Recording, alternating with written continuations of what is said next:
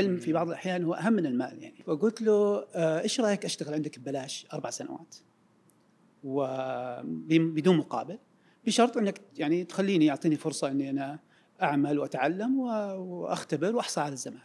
موضوع الاكتشاف الذات والمقاييس كل هذا ما هي مهمة. دائما اسمع صوتك الداخلي في الوقت اللي أنت تشعر إنه العمل هذا بدأت تنسى نفسك فيه تدخل في مرحلة الفلو السريان العاطفي هذا إنك منغمس فيه مندمج فيه هذه المجال جدا مهم بالنسبة لك أو هذا العمل له قيمة. في كارثة تحصل كل صباح إحنا ما نعرف عنها ولا منتبهين لها، هي أخطر من الحروب والزلازل والبراكين. هي إنه في عشرات الآلاف من الناس يخرجون كل صباح من من بيوتهم إلى أعمال هم ما يحبوها ولا يجدون لها قيمة ولا يشعرون بالفخر فيها ولا يشعر بانه إنه قاعد يسوي شيء مهم. واحدة من الاشياء أهدافنا في الإرشاد المهني في المدارس انه أفهم الطالب إنه ترى طبيعي إنك تتنقل من تخصص لتخصص أو من مهنة لمهنة. بالعكس هذا هو المطلوب. وأول ما تلحظ إنه مهنتك بدل المنافسة عليها عالية وفي مهنة ثانية منافسة عليها أقل وفلوسها أكثر اقفز قبل ما نبدأ الحلقة حاب أعرفك عن شيء آه، بيسهل من حياتك الصحية مشكلتنا الأزلية مع الأكل إنه إحنا نأكل بدون ما نخطط لوجباتنا ونأكل بشكل عشوائي. تطبيق Calo بيزيل عنك عبء تحضير الوجبات وحساب سعراتك الحرارية حسب احتياجك بالإضافة إلى توصيلها إلى بيتك أو مقر آه، عملك. كل اللي عليك إنك تضغط على الرابط في وصف الحلقة وتستخدم كود بترولي للحصول على 10% discount السلام عليكم. أنا أحمد عطار وهذا بودكاست بترولي. أستعرض معاكم قصص وأفكار تساعدكم على حياة مهنية تستحقوها. ضيفنا في هذه الحلقة هو الدكتور ياسر بكار آه، درس الطب النفسي آه، لكن واجه في عيادته إنه كثير من الناس اللي يجوا للعيادة وعندهم معاناة جزء من هذه المعاناة جاي بسبب إنه الثمانية ساعات اللي بيقضوها في العمل ما هم مبسوطين فيها ومن هنا بدأ اهتمامه بأسئلة زي إيش هو التخصص وكيف آه، أقدر أختار مجال أكون مرتاح فيه. أيضا أهتم ب إنه هذه الرحلة المفروض تبدأ من من فترة طويلة ما هو فقط من الثانوية أو الجامعة أو أول وظيفة هذا موضوع من المفروض إنه يناقش من من الابتدائي آه، فعمل بحث عن التجربة البريطانية وقدمها في دليل اسمه كيف جهزت إنجلترا أبنائها لسوق العمل وكيف انه المدارس. يعني ترى سؤال السؤال التقليدي اللي إيش تبى تصير يا بابا لما تكبر؟ كيف هذا السؤال المفروض ان إحنا آه، نعطي فرصة لابنائنا يجاوبوا ويعدلوا إجاباتهم نسالهم ليش؟ إذا قال لك ابى اصير شرطة طب ليش؟ أيضا مرحلة المتوسطة والثانوي والرحلات الاستكشافية اللي يسويها المدارس في بريطانيا تروح لمصانع تروح لمستشفيات تروح لبنوك وفي كل آه، مدرسة في هناك آه، ما يسمى بالكارير ليدر القائد المهني اللي يجلس مع الطلاب بين فترة وفترة وكيف إنه إحنا لازم نكون منفتحين دائما على الحوارات مع أصدقائنا مع أبنائنا مع كل شخص عنده هم مهني ونسأل وما نحكم قبل ما نسمع. وكيف إنه هنا المرشد المهني وشخص يساعدك بطريقة احترافية. إنه كثير للأسف من القرارات المهنية اللي أدت بحياة الكثير ل يعني مراحل سيئة كانت بسبب استشارة من شخص قد يكون آه، خاله قد يكون آه، زميله في العمل قد يكون مدرسه اللي قال له ينفع لك هذا التخصص ولا غير ولا روح. وكانت نصيحة سريعة لكن كان ثمنها عالي. وهنا تكمن قيمة المرشد المهني المحترف. درس سنوات في أدوات وطرق آه، وتجارب عملية فلما يقدم نصيحة يكون مؤهل لها. آه، اشتركوا في القناة وخلونا نسمع قصة مهنية جديدة. هذا الماركة حقتك الشعر. إي تلاحظ جزء من الماركة. يعني. لا تقربها لا سبحان الله أحلق بعد ما أصور يعني أنا المشكلة. أنا بسوي عندي زي اللي اللي يتوضا بعد ما يروح يعني يروح الحمام. يصلي بعدين يتوضا فأنا عندي مشكلة في السيكونس بعض الأحيان. لا علاقة بكثرة الشاي ولا أنا ما أعرف. ما أعرف والله. طيب كويس على بركة الله. أنا أول سؤال بالنسبة لي اللي هو تعرف يمكن السؤال المتداول عند كل الأطفال اللي هو إيش تبغى تصير يا بابا لما تكبر؟ أنت لما كانوا يسألوك إيش كان جوابك؟ ما كان ما كان في شيء واضح. ما كان يعني خيارات كثيرة وافكار كثيرة ما كان في ذاك الوضوح إيش كيف واحد يستطيع أصلا يبني مهنة. فالبدايه كانت يعني توهان مع مع مع الناس. لحد ما الواحد بدأ يعني كان في اتجاه بسبب جو العائلة وكذا للأمور النفسية والاجتماعية بشكل عام تطوير الذات والأمور هذه. بس ما تكو ما تبلورت على شكل إنه كيف أقدر أحطها ضمن خطة مهنية يعني. ولهذا لما خلصت المرحلة الثانوية كنت زي كل الناس كذا ما هو عارف أنت درست الابتدائي والمتوسط في في القصيم؟ اي في ابتدائي وأول متوسط في في بريدة وثم انتقلنا إلى أبها. آه. وكملت فيها ثاني ثانوي إلى آخر الثانوية. ثم بعدها بدأت رحلة التشتت يعني ما اعرف أروح بس إيش الفرق لما يعني بتخيل شكل الدراسة كذا بالابتدائي متوسط في بريده وفي أبها. إيش كانت أبرز الأشياء اللي في بالك؟ يعني ما كان في ذاك الاختلاف الكبير. يعني الاندماج كان سهل بشكل عام. آه، يمكن الأنشطة المدرسية كان في جزء مهم من من حياة الواحد خاصة في في في المرحلة الثانوية. والانغماس فيها والعمل فيها كان مؤثر في حياة الواحد. ثم بعد التخرج ما الواحد زي ما قلت لك كان في حال توهان ما هو عارف وين بروح فكان دائما الخيارات السهلة والمتاحة هي اللي الأولى. آه، فكان آه، سجلت في الجامعة اللي جنب بيتنا. وكان في خيار كانت كانت جامعة الإمام في ذاك الوقت ما قبل جامعه الملك خالد. آه، وكان في خيار اني أنا أدرس إدارة أعمال أو علم نفس. فقلت والله إدارة اعمال كذا برستيج أعلى وعلم نفس حق المجانين فما ما هو. وفعلا بدأت في دراسة إدارة الأعمال. آه، قطعت كذا سنة إلا وماني مبسوط. أنا ماني كويس في الإدارة ماني كويس في التفاصيل شخصيتي ما هي كذا. فكنت كل يوم أروح آه، متضايق. وهذا الشيء اللي إحنا دائما نعلمه للناس. ترى البوصلة الداخلية والمشاعر الداخلية في العمل أو تجاه العمل أو تجاه الدراسة ترى مهمة جدا لا تهملها يعني. وهذا اللي صار معي. فعلا كنت متضايق كل يوم. رغم إنه الجو جميل والشباب كانوا لطيفين والجامعة حلوة وجنب البيت و... فلكن ما كنت مرتاح. وخلال معي بعض التأملات شعرت إنه أنا لو رحت لمكان فيه مساعدة للآخرين راح أكون مبسوط أكثر. ولهذا آه، وقتها كان القرار إني أنتقل إني أروح أدرس في كلية الطب. وفعلا درست آه، في كلية الطب وبعدها آه، حصلت على وظيفة كطبيب. في في مستشفى الباحة قعدت فيها كذا شهرين ثلاثة وكان واضح أمامي موضوع الاهتمام بالأمور النفسية والاجتماعية صار واضح عندي بشكل أكبر ولهذا قررت إني أروح أكمل في الطب النفسي. بدأت بعد عملية البحث وين أقدر أحصل على أه، تخصص، طبعا في الطب أنت عشان تكمل الدراسات العليا لازم تحصل وظيفة. وخلالها في مستشفى تعليمي أو مستشفى جامعي تدرس وتختبر وتحصل على الزمالة. فوقتها التدريب في كل في, في الطب النفسي ما كان متاح بشكل كبير يعني كان في مركزين في المملكة كلها يعني على خلاف الوضع الحالي يعني. فبدأت أعمل بعض بعض الاتصالات عن طريق بعض المعارف. فوقتها أذكر آه، اتصلت على الوالد وقلت له عندك ألف ريال تعطيني إياها كل يوم؟ كل شهر عفوا. قال آه، ما في مشكلة. ألف كل شهر ألف ريال؟ قلت له كل شهر ألف ريال. قال هذه أمر يسير يعني. وبعدها اتصلت على من بعض المعارف اتصلت على رئيس قسم الطب النفسي في إحدى في إحدى الجامعات. وقلت له إنه أنا فول أنا ياسر بكار وأنا جدا مهتم بموضوع الطب النفسي وأشوف نفسي فيه وعندي شغف فيه. فودي إياك تقبلني عندكم في البرنامج. قال والله أنا يعني يعني مو يعني أهلا وسهلا إنك أنت عندك هذا الشغف لكن أنا ما عندي وظيفة في هذا المجال. فقلت له يعني ترى أنا جدا مهتم وأنا جاهز أسوي اللي تبغاه وكذا. قال والله أنا آسف يعني بس ما أنا ودي إياك تجينا بس أنا ما عندي وظيفه ما عندي وظيفة حتى أقبلك على أساسها. قلت له طيب لك عندي عرض إيش رأيك؟ تتفاوض مع مين؟ مع رئيس قسم الطب النفسي في إحدى في إحدى المستشفيات. فقلت له آه، إيش رأيك أشتغل عندك ببلاش أربع سنوات؟ وبدون مقابل بشرط أنك يعني تخليني يعطيني فرصة إني أنا أعمل وأتعلم وأختبر وأحصل على الزماله. قال والله هذا عرض مغري. أنت متأكد أربع سنوات؟ ترى أنا ما عندي وظيفة لك. قلت له أنا ما ابدا. أنا جاهز إني أشتغل في يعني لأنه حقيقة هو مش بلا مقابل. أنت أنا قاعد أتعلم. العلم في بعض الأحيان هو أهم من المال يعني. فأنا ممتن إنك أنت تعطيني فرصة إن أنا أتعلم. قال والله هذا عرض مغري. توكل على الله تعال.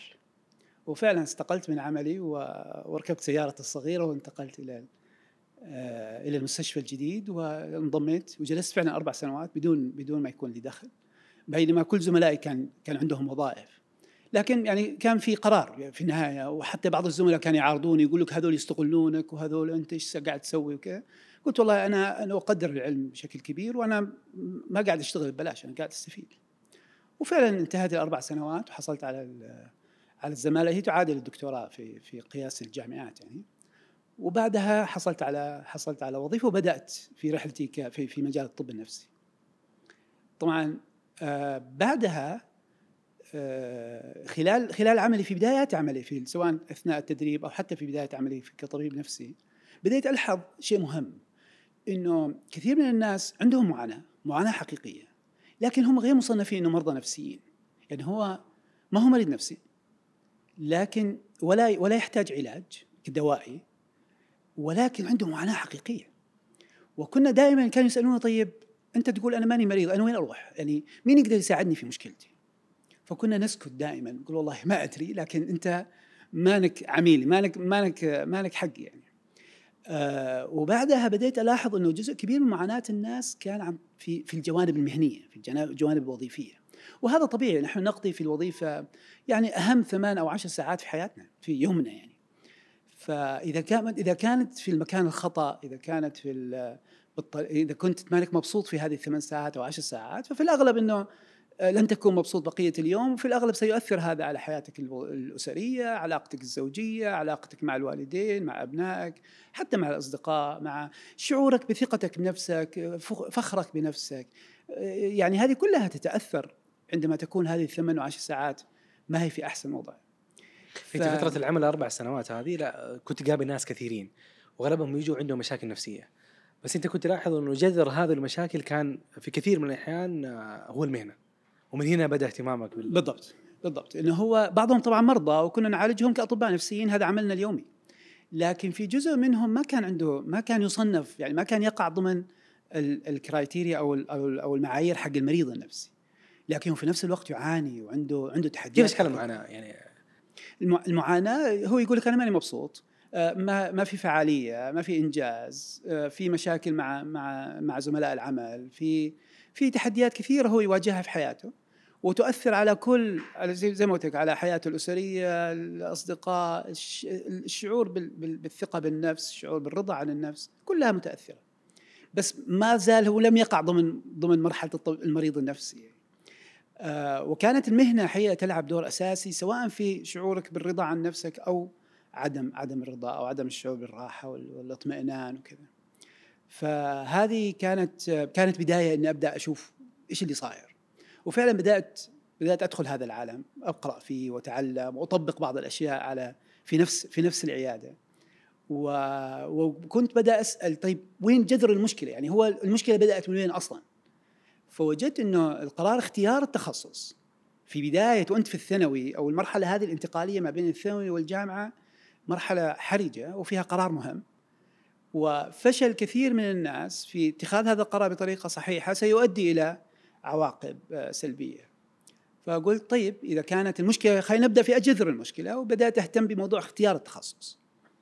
وأذكر وقتها يعني آه، يعني هذا الكلام يمكن في 2012 2013 آه، في يعني يمكن من أول من أول الناس اللي بدأ يطلق أطلق موقع وله كود وينباع في جرير وكذا يعني.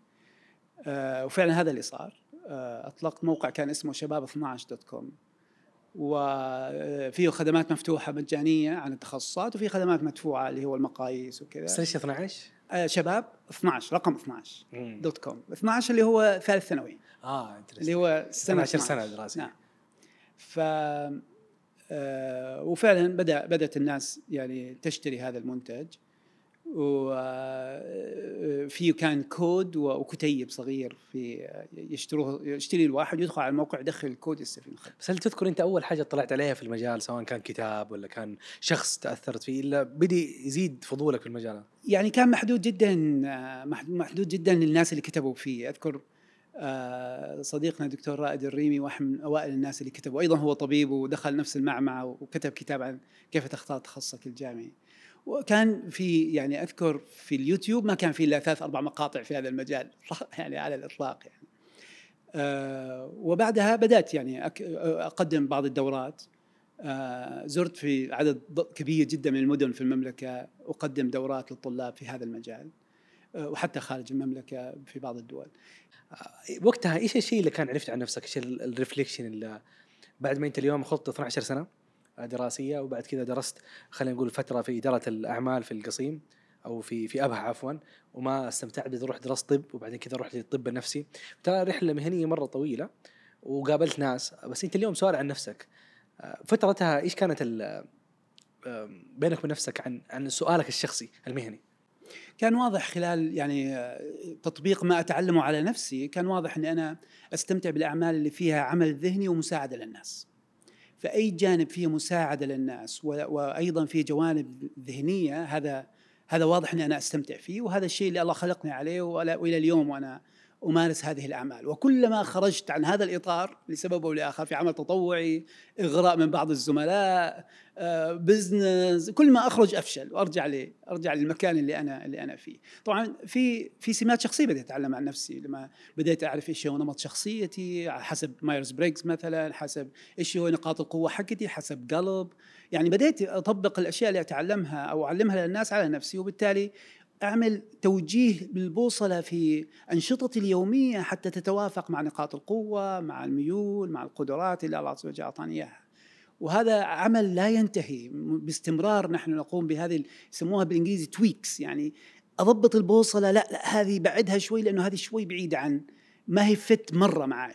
وهذا يأخذ وقت ما يجي من أول يوم في في في مهنتك. مع الوقت تجد أنك دائما تقول هذا العمل لو سمحت واحد ثاني يجي يشيله عني هذا ما هو حقي لأنه لا يتوافق بشكل دقيق مع مع الميول والقدرات حقتي. فهذا الوعي آه، يحتاج ان الانسان يبنيه عن نفسه. حتى يستطيع لما يقول نعم لمشروع أو لوظيفة أو لعمل أو لبزنس يكون متأكد إنه فعلا هذا يتوافق بشكل دقيق وواقع مع ميوله وقدراته ونقاط قوته. ولما يقول لا هو يقول لا مهما كلف الأمر مهما كان حأخسر من هذا من هذه لا بس خلاص أنا عارف إنه هذا لا يتناسب مع ميولي قدراتي مع قيمي أيضا فهذا صار في هذا آه، صار في هذا الوعي وهذا الشيء اللي إحنا نحتاج يكون موجود عند كل شخص. لما يقول نعم لشيء يكون عارف ليش قاعد يقول نعم ولما يقول لا لعمل أو لمشروع أو لمهنة يكون عارف ليش قاعد يقول لا. جميل. آه إنت كنت بتتكلم إنه بعض الأحيان الانزعاج الداخلي من تخصص أو مهنه هذا صوت ما المفروض نتجاهله آه تكون ما أنت مرتاح. وهنا يجي بين إنه هل أنا جالس أتدلع ولا هذا من جد حاجة أنا مني مبسوط فيها سواء تخصص ولا مهنة. فكيف أتعامل بشكل خلينا نقول عقلاني شوية مع الصوت هذا؟ أول شيء من يعني هل في تأثيرات خارجية وراء هذا الصوت ولا لا؟ لأنه أحيانا مثلا صديقي اللي في الجامعة قاعد يشتغل في مجال أو حتى في يعني في مجال طبي مثلا وهو ياخذ راتب أعلى من راتبي مثلا بالضعف. فأنا أشعر تجاهه ب بانزعاج. ليش هو؟ إحنا كنا زملاء في الجامعة. وكذلك آه، آه، أو ولد عمك اللي قاعد ياخذ راتب عالي في مجال فهذا قد يكون آه، سبب للضيق. فأنت لازم لكن هذا ما هو حقيقي ولا هو واقع لأنه هو كل واحد الله عز وجل أعطاه ميول وقدرات يمكن أعطاه شيء أنت ما ما, ما هو موجود عندك ولهذا هو حصل حصل على دخل أعلى. فأنا أقصد الصوت الداخلي هذا يجب أن تتأكد. في مؤثرات خارجية قاعد تؤثر عليه ولا فعلا هو حقيقي؟ إذا كان حقيقي يجب أن لا يهمل. بل إنه إحنا عندنا في الإرشاد المهني بعض بعض النظريات تقول موضوع الاكتشاف الذات والمقاييس كل هذا ما هي مهمة. دائما اسمع صوتك الداخلي في الوقت اللي أنت تشعر إنه العمل هذا بدأت تنسى نفسك فيه تدخل في مرحلة الفلو السريان العاطفي هذا إنك منغمس فيه مندمج فيه هذه المجال جدا مهم بالنسبة لك أو هذا العمل له قيمة فنعم آه، يجب أن لا يهمل هذا الصوت ويعطيني مؤشرات مهمة عشان أبدأ أتأمل أكثر وأستكشف أكثر من ثم أتخذ القرار. إيش هو الإرشاد المهني؟ أول شيء إيش هو المهنة؟ يعني إحنا كيف نعرف المهنة أصلا؟ إحنا المهنة نقول هو مجموعة الأعمال التي لها شرطين تنتج قيمة ويدفع مقابلها مال. آه يعني أو يدفع مقابلها أجر. أي عمل ينتج قيمة ويدفع الناس مقابله مال هذه مهنة يعني مثلا أنت الآن وهذه ما هي موجودة فقط في الشركات يعني الناس دائما تروح بالها على الوظائف حقت الشركات. لا في أي مكان أي إنسان ينتج قيمة يدفع مقابله مال هذا هو الآن يعمل وهذه مهنة. فالشخص اللي قاعد يبيع ورق عنب على الإنستغرام أو الفتاة اللي تبيع ورق عنب على الإنستغرام أو أوبر أو يشتغل في شركة في في الإدارة المالية أو هذول كلهم ما دام ينتج قيمة يدفع مقابلها مال. فهذه مهنة. في الإرشاد المهني إحنا إيش نقول؟ كيف تستطيع تنتج قيمة أعلى حتى الناس تدفع لك مقابل أعلى؟ وهذا يأتي عن طريق إيش؟ يأتي عن طريق إني أنا أشتغل في عمل أنا أنتج فيه بشكل ممتاز يعني أنتج فيه منتج عالي الجودة وفي مجال يحتاجه الناس وبالتالي هم مضطرين انه يدفعوا فيه مقابل أعلى.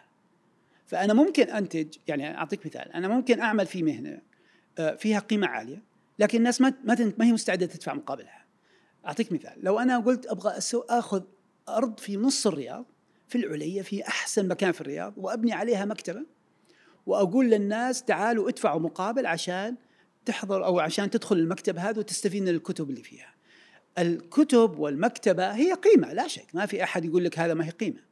لكن الناس هل مستعدة تدفع مقابل يعني مستعدة أنا أضرب مشوار على مكتب في نص الرياض عشان أدخل على مكتب اقرا فيها كتاب. الناس ما هي مستعدة تدفع. يقول لك ليش؟ أنا وأنا في بيتي أقدر يجيني الكتاب اللي عندي واشتريه وماني مضطر أضرب مشوار.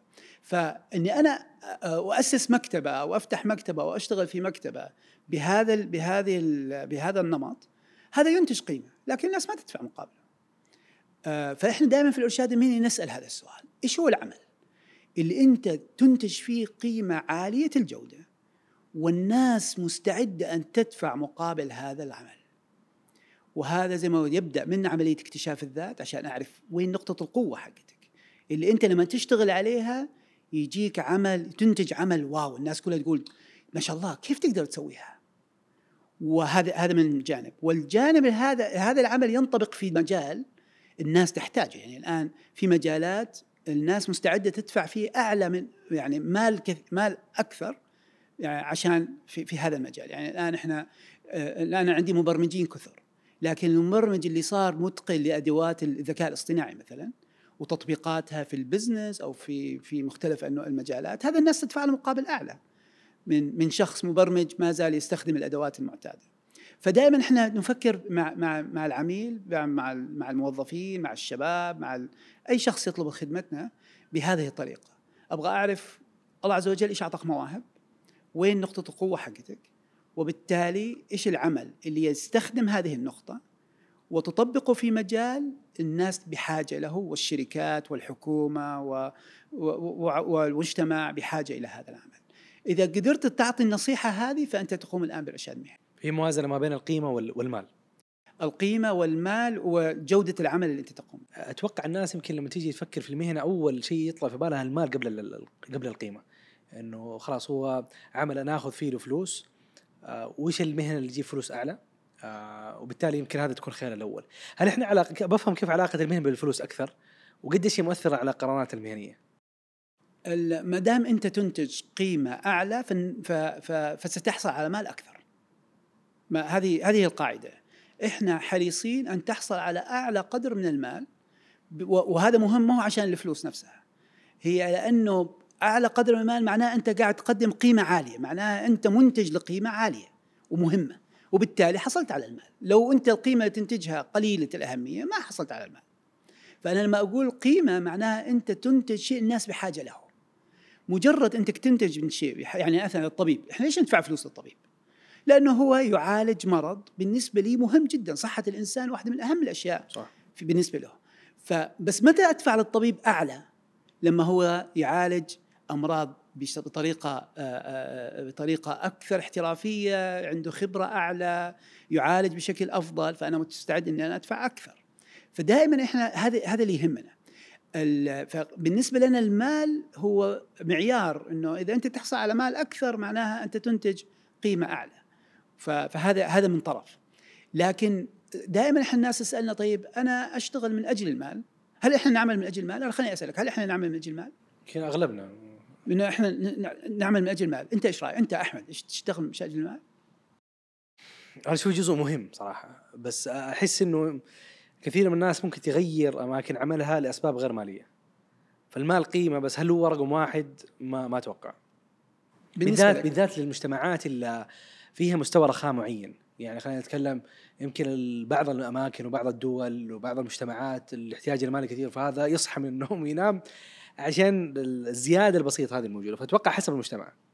هو ال- الآن خليني أسألك أنت. لو جاء يوم من الأيام صحيت إن شاء الله كذا بكرة جاك اتصال وقال لك آآ آآ لك 10 مليون كذا حنعطيك إياها. آه، لك جد توفي و ورجعنا الورثة حقته وطلع لك 10 مليون. هل أنت حتترك البودكاست؟ آه، غالبا لا. حتتصل على جماعة بترولي وتقول لهم يا جماعة ترى أنا خلاص شوفوا لكم واحد ثاني أنا تركت الحمد لله ما عاد أحتاج. ما عاد أحتاج للدخل أنا صار عندي دخل جيد. هل حتسوي كذا؟ ليش؟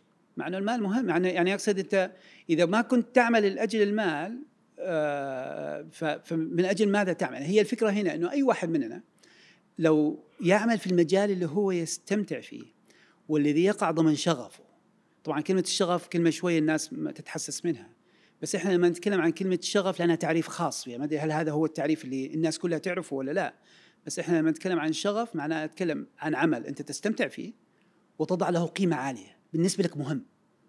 فأحمد مثلا يستمتع إنه يعمل يدير حوارات مع مع الناس ويضع لهذا الموضوع أهمية يشعر إنه في قيمة عليا من هذا من هذا الموضوع صح ولا لا؟ صحيح. وبالتالي لو جينا قلنا لك طيب آه خلاص أنت مالك بحاجة للمال آه خلاص إحنا الآن أنت طلع لك جائزة ولا ورث ب 10 ولا 20 مليون أنت مالك محتاج المال. مع هذا ما راح تترك هذا العمل. هذا الوضع بالنسبة لي أيضا. وهذا موضوع تقريبا بالنسبة ل 10% من الناس. السؤال ليش ما هو الوضع هذا لنسبة 70% من الناس؟ 80% من الناس. ليش؟ ما هو سؤال منطقي هذا الشيء؟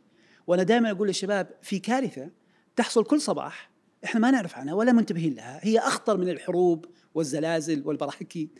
هي إنه في عشرات الآلاف من الناس يخرجون كل صباح من من بيوتهم إلى أعمال هم ما يحبوها ولا يجدون لها قيمة ولا يشعرون بالفخر فيها. ولا يشعر بانه إنه قاعد يسوي شيء مهم. طيب هذا هذه كارثة.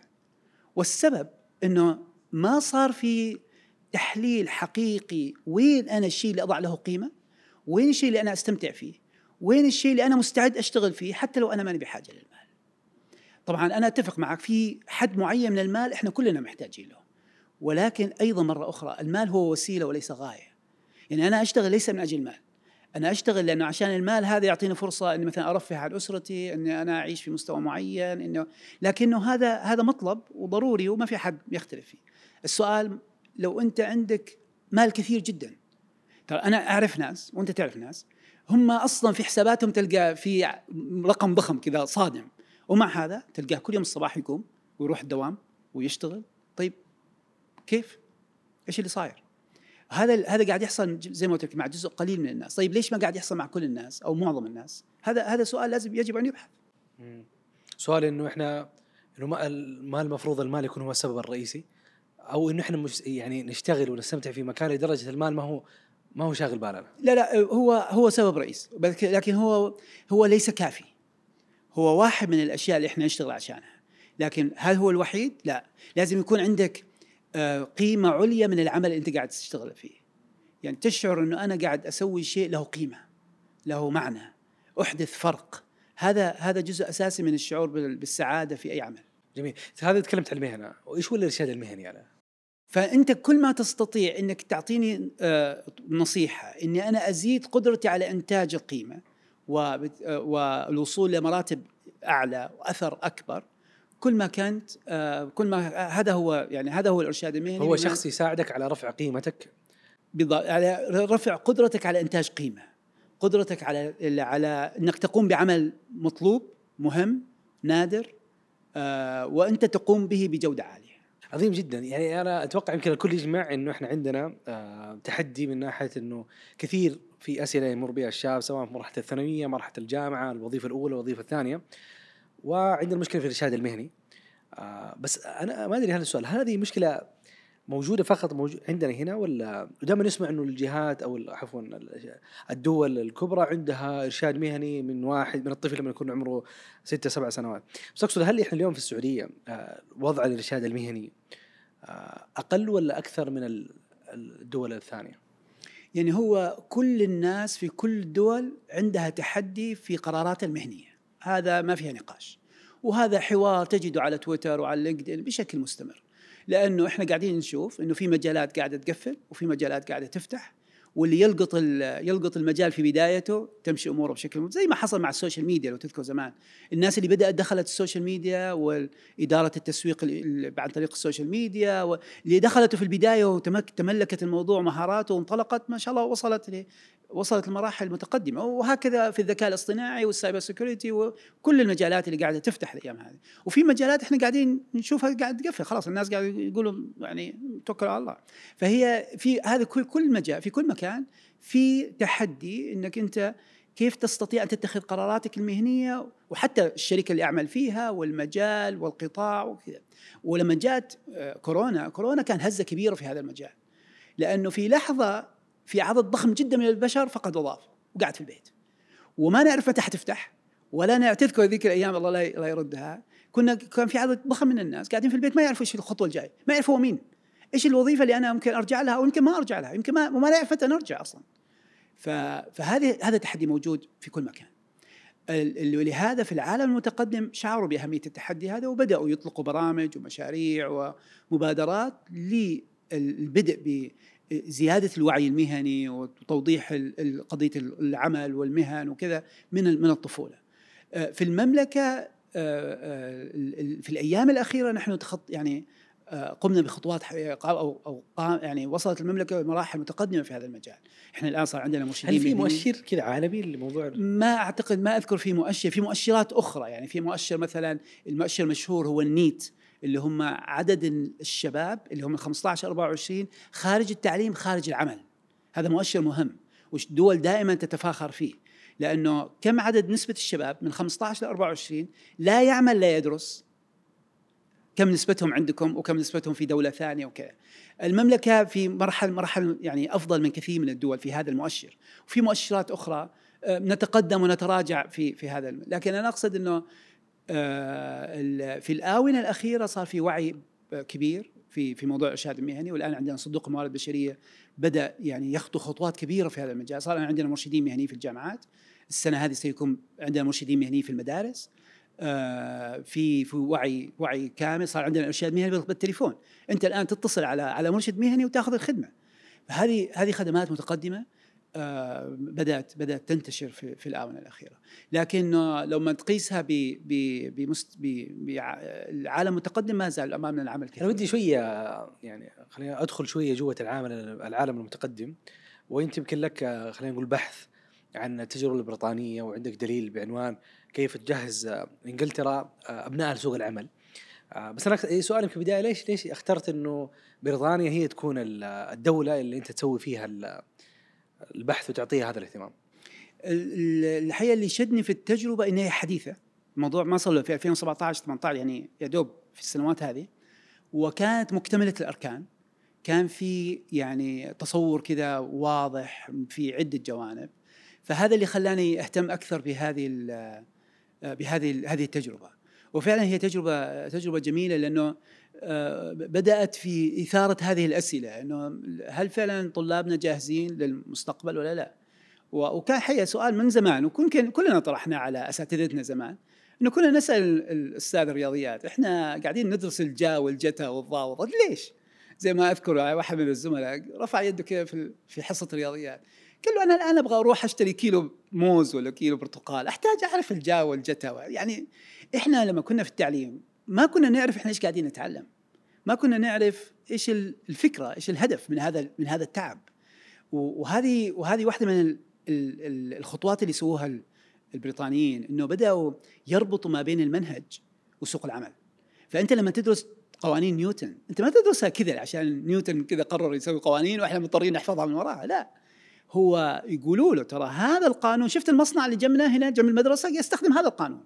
يستخدمه بهذه الطريقة بهذا الشكل في فلما أنت تربط المنهج بالسوق هذا جدا مهم. فالبريطانيين سووا عدة حياة عدة خطوات وكانت فعلا آه، واكتملت التجربة وصار جزء أساسي من من المدارس البريطانية آه، في في عدة أمور. آه، مثلا واحدة من الأمور اللي اللي سووها هو إنه كل طالب يجب أن يكون له شركة يروح يزورها ويقضي فيها بعض الوقت.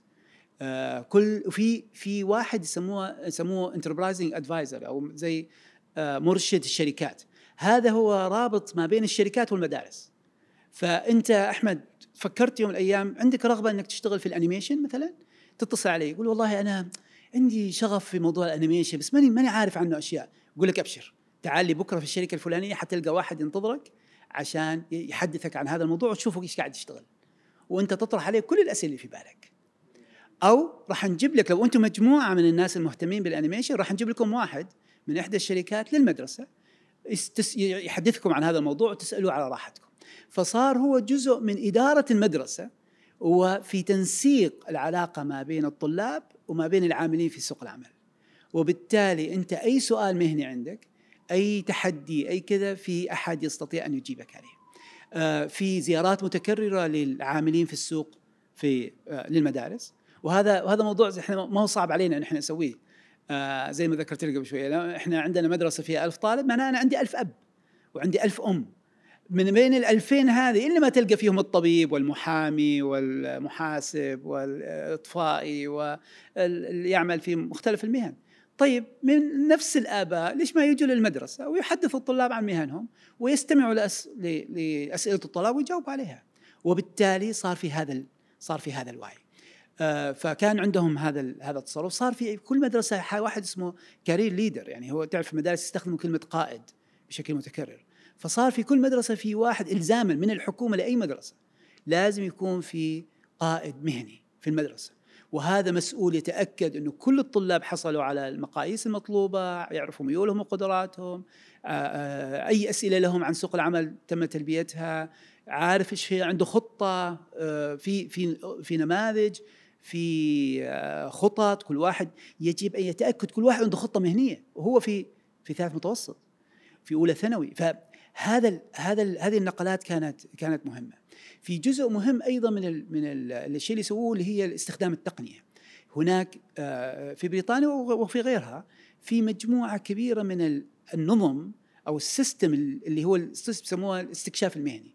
فأنت كطالب تجلس وتشوف تستعرض عدد ضخم من الوظائف وكيف يقدر الواحد يشتغلها وإيش لازم أدرس عشان أشتغل في هذا المجال وتسوي مقاييس وتعرف إيش ميولك و إلى آخره.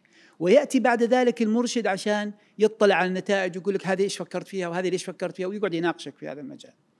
آه زي ما قلنا الربط ما بين المنهج الدراسي والمهنة هذا أيضا كان واحد من الأشياء اللي اللي أكدوا عليها. قاموا ب يعني بموضوع الرحلات لسوق العمل أو للشركات، إحنا كلنا أذكر أيام الثانوي كنا نروح للمصانع ونروح المستشفى ويأخذونا وكان كل بالنا وإحنا طالعين يعني كم يعطونا بسكوت ولا كم يعطونا بيبسي ولا ما كان ما كان واضح إحنا ليش قاعدين نروح نزور مصنع أصلا يعني. بينما لا هنا الوضع مختلف، أنت تروح في بالك أسئلة سواها المرشد معك قبل ما تروح. ورايح عشان تقابل ناس عاملين في مجالات تسألهم هذه الأسئلة وترجع عشان تجلس مع المرشد وتقول له إيش تعلمت من هذه الرحلة وهكذا. ف إيش أكثر شيء استغربته من من الممارسات الموجودة؟ ال ال يعني هو الشيء الجميل إنك أنت ما ما انك مضطر إنك تفرض على على الطلاب تخصص معين وتعطيهم الاريحيه إنه يحلم. حاول يقول أنا أبغى أصير كذا. طيب ما في مشكلة. ويروح يقعد ويسأل وكذا. يعني هي يجب أن يمتلك الطلاب المسؤولية عن حياتهم اختياراتهم التعليمية والوظيفية. فهو لازم يختار هو لازم يحلم. وأي أحلام أنت لك الحق أنك تعرفها وتستكشفها ويقولوا لك إيش التحديات فيها و و و وتربطها بميولك وقدراتك وكذا. فوجود الطابع حق إنه إحنا وظيفة المدرسة هي إعداد الطالب لما بعدها. وليس النجاح في الاختبارات ولا عشان يجيب معدل ولا عشان نخلص المنهج هذا ما هو هدف هذه كلها وسائل. المهم الطالب هل حينجح في الخط في المرحلة اللي بعدها ولا لا؟ إذا ما كان حيكون جاهز لها ما راح يكون ما كون سوينا شيء في المدرسة. أنت قلت ممكن الطالب في في الثانوية ثانية متوسط أولى ثانوي يكون عنده خطة مهنية. بس معليش هذا الطالب كيف كيف شكل الورقة هذه حقت الخطة المهنية ممكن يكون؟ آه، هو سوى مقاييس يعرف ميول وقدراته وبالتالي في قائمة من المهن اللي تتناسب مع ميول وقدراته هو وظيفته أنه يستكشفها ويحذف الشيء المناسب وغير مناسب. وحتى في تمرين جميل يسووه في بعض المدارس آه، يقولوا آه، خلوا الطلاب كلهم يوقفوا. ويقول لهم أنا راح أقول لكم المهنة وإيش هو أوصافها وإيش يسووا فيها الواحد و... واللي ما تعجبه يجلس. شوف ال... إحنا عندنا شيء في الارشاد نسميه الحوار المهني. حوار كذا نقعد أنا وياك يعني ببساطة ممكن أروح أنا وياك على كافي وأقول لك إيش الخطوة الجاية في حياتك؟ طيب أنت إيش تسوي تسويه وتشعر إنك أحسن واحد في المكان يسويه. هذا الحوار يفتح للإنسان آفاق واسعة في التقدم المهني. للأسف إحنا ما نسويه بشكل غير رسمي، لكن ما نسويه مع ناس محترفين. هناك لا آه، يصير فيه هذا هذا الحوار. طيب لا والله أنا أحب أشتغل احب أساعد الناس، طيب معناها هذه المهن اللي فيها مساعده الناس. لا أنا ما أحب أساعد الناس في المكتب، أنا أحب أساعد الناس ميدانيا. ها معناها أنت ما يناسبك تشتغل آه، أخصائي نفسي، يناسبك تشتغل في الإسعاف والطوارئ. وهكذا يبدأ هذا الحوار وهذا النقاش والطلاب يناقشوا بعضهم البعض وال والمس والأستاذ اللي ما هو خبير في الإرشاد المهني أيضا يناقشهم ويجي المرشد يوجه ويجي واحد من برا يجاوب لما نخلق هذا ال system ال ecosystem هذا لما نخلقه كامل للطلاب أنا متأكد سيخرج طالب عنده وعي وبصيرة حقيقة نادرة ومهمة ليس من أجل فقط اختيار التخصص وإنما كل حياته المهنية.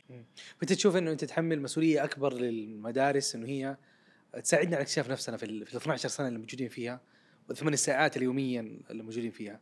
يعني أنت بشكل عام لما تشوف الطالب يتخرج من الثانوي إيش الأشياء اللي المفروض المدرسة ساعدته إنه يجاوب عليها؟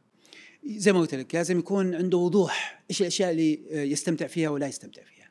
إيش الكوي الأشياء الكويس إيش انه الأعمال. هو في الأخير عنده إجابات على المواد في مواد أحبه وفي مواد ما احب لا لا خليك من في المواضيع مدرسين أحبه وفي مدرسين لا ما لا أحبه. أيوه له- هو نبغى نبغاه يصير هذا الوعي.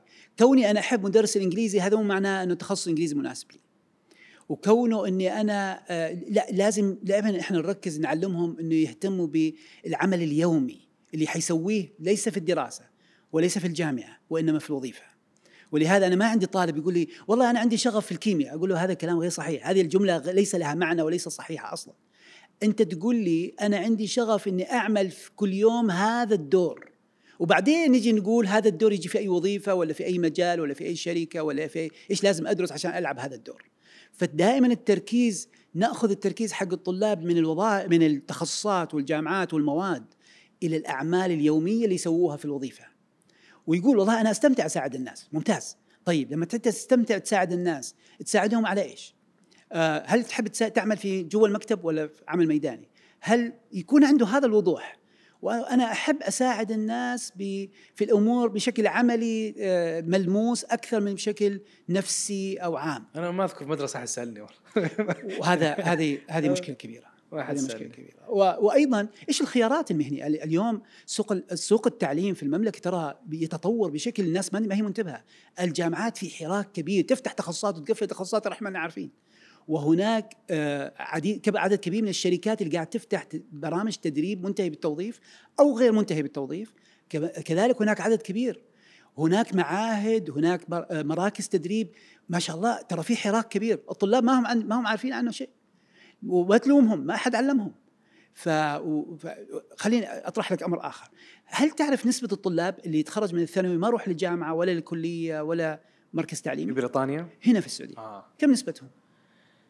20 يمكن. يمكن أكثر يعني كانت النسبة في 2018 تقريبا 23 أنا أتوقع الآن وصلنا حدود 30% ما عندي رقم جديد بس أنا متأكد إنه ما ما أقل من 30% السؤال ال 30% هذه هؤلاء يعرفون يروحوا؟ إيش الخيارات اللي أمامهم؟ أنا متى أقول أنا أشتغل كاشير في بندا ولا أروح إيكيا؟ ولا أروح أشتغل آه، call center في الراجحي؟ على أي أساس أروح هذه ولا هذه ولا هذه؟ بناء علي بناء على القرار هذا اتخذه على أي أساس؟ ما يفترض يكون في خطة؟ ما يفترض أن يكون هذه مدخل عشان اخطو للي بعدها ثم اللي بعدها ثم اللي بعدها؟ هذا هذا العدد الضخم من الطلاب لا يتلقى أي مساعدة في المدرسة عشان يتخذ هذا القرار.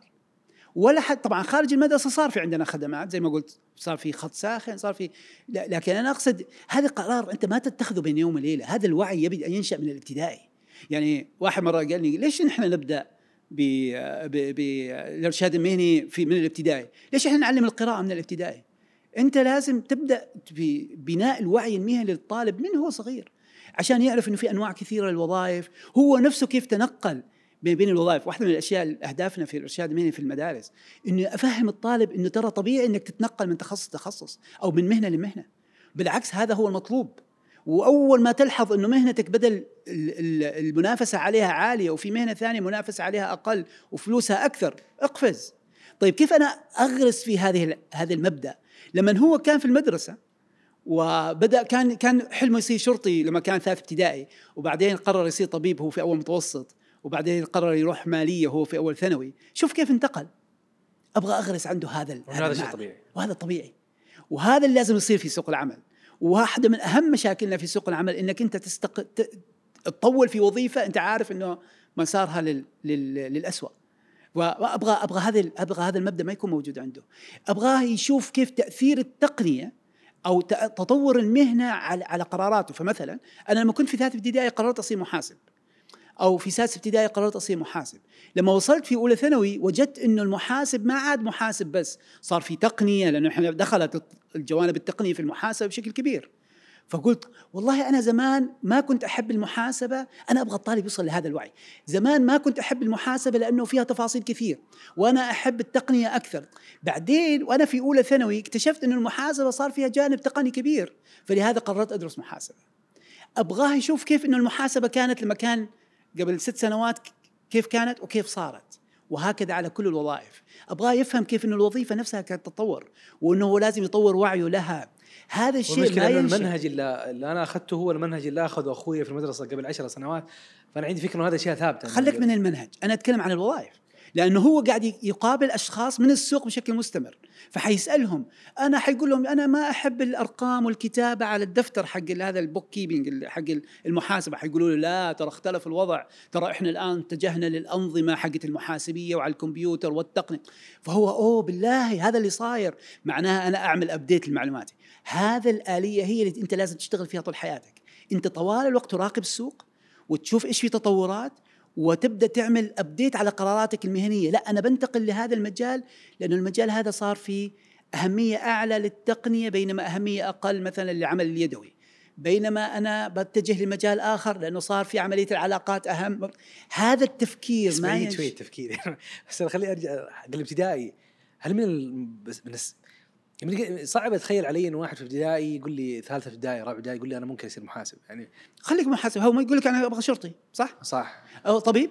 أيوه ممرض؟ صح. خليه يبدأ بالأشياء البسيطة. هو بس إنه هو اتخذ قرار تقصد هذه الوحدة؟ لا لا هو ما يتخذ قرار. لا لا أقصد كون إنه هو قا- قال إنه شاف في مسلسل ولا شاف في مكان ولا شاف خاله ولا شاف عمه ولا شاف أحد وقال يعني لاحظ أحد من أفراد أسرته ولا من خلال الأفلام والمسلسلات إنه هذا طبيب. وقرر إنه هذا بيكون سيء. هذا آه، هذا الحد من الملاحظة وحب إنه هو يشابه نفسه بأحد هذا وعي لطيف. جميل. هذا يكفينا في البداية. يعني أقصد إيش الحاجة أنا الشخص اللي في البداية من قادر اتخيل إيش المفروض يعرف. يعني أحس إنه هي زي ما. إحنا زي الأسئلة تجي لما يجينا طفل إحنا نضيع معاه وقت.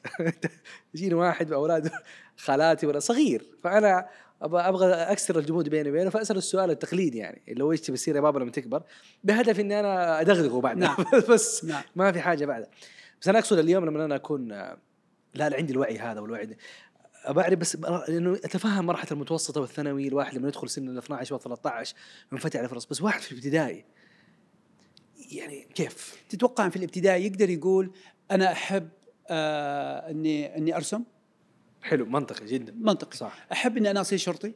حلو. أقول له ليش؟ يقول يعني أنا ابني عمر مرة يقول لي أنا أبغى أصير شرطي. ليش؟ قال أنا بس ما أبغى الشرطي اللي يحط الناس في السجن لا أبغى الشرطي اللي يمشي السيارات في الشارع. هذا الوعي ممتاز ابتداء. بعدين أقول له ليش؟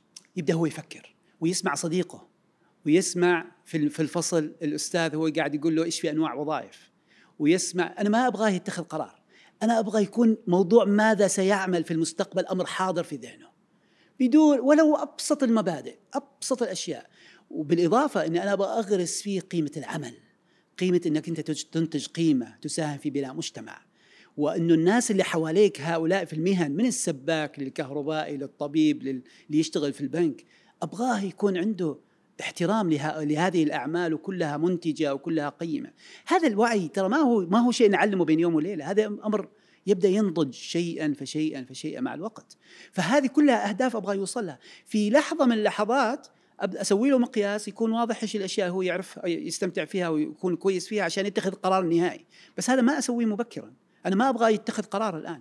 أنا ابغاه بس يعرف يفرق بين خاله اللي يشتغل مهندس وخاله الثاني اللي يشتغل محاسب. وليش عمه بيرجع البيت متأخر؟ وليش أيوة عمه الثاني بيجيب له الظهر؟ هذا الكلام. أنا أبغى هذا الوعي يكون موجود. ويبدأ يسأل الأسئلة الجميلة حقت إنه إيش الفرق بين ال- العمل في البنك والعمل في المستشفى؟ ليش في إيش الوظيفة حقت المدرسة؟ ليش أنا عندي مصنع؟ هذه شوف أسئلة بسيطة. لكن هذا هو بداية هذه البذرات حقت نمو الوعي المهني. وبالتالي لما يجي المتوسط حيسأل أسئلة أعقد. طيب إيش الفرق بين الهندسة الميكانيكية والإدارة في الصناعية. مثلا واحد مدير في مصنع وهو مهندس أو يشتغل مهندس في في في المصنع نفسها وليس في العمل الإداري في العمل الفني التقني الهندسي. ابغاه يبدأ يثير هذه الأسئلة ويتحدث مع أصدقائه فيها. والله أنا امس شفت قابلت واحد من أصدقاء الوالد يشتغل في بنك. يقولوا واو ما شاء الله يشتغل إيش؟ يشتغل كذا. واو ما شاء الله. وبعدين إيش صار؟ وهو إيش درس؟ يعني أصلا في البكالوريوس إيش هذا الحوار اللي أبغاه يكون سائد في المدارس. وعلى فكرة أنا يعني أنا جربت هذا أنا عندي اتصال دائم مع الطلاب. يستمتعون بالحديث عن المستقبل. يستمتعون إن تقول له طيب وبعدين؟ وإيش تبغى تصير؟ ولما تكبر. وكذا الطلاب فورا يتحمسوا لهذا لهذا الحوار. أكثر من حوار مع المدرس اللي عليه واجبات وقاعد يقول له ليش ما حليت الواجب؟ ويعاقب يعني الاطفال يستمتعوا بالسؤال هذا وما ينزعجوا جدا. أنا وقفت أسأل وخفت إنه أحس بحمله مسؤولية ولا تعرف لا لا هي هو هذه الفكرة. ترى هو الآن ما هو قراره اللي انت اللي حيقوله الآن ليس ملزما ولا حي حيغيره بكرة. هو ما عنده مشكلة. الاطفال عندهم مرونة عالية ما هو زينا. واليوم يقول لك كلام بكرة يقول لك كلام ثاني. ما عنده مشكلة. بس هو الفكرة إنه يبدأ يتحدث مع نفسه. يبدأ يفكر. يبدأ يتحدث مع أصدقائه يسال أبوه و... ويتعلم القيم حقه العمل. هذه هذه جدا مهمة. في هذه المرحلة. إيش اللي يخليك تستمتع لما تتكلم مع الأطفال عن المستقبل؟ آه، آه، لأنه أشوف الحماس في عيونهم كذا شرر كذا في لأنه هو بدأ يبدا يعبر عن ذاته يبدأ يحلم ويحول أحلامه إلى كلمات.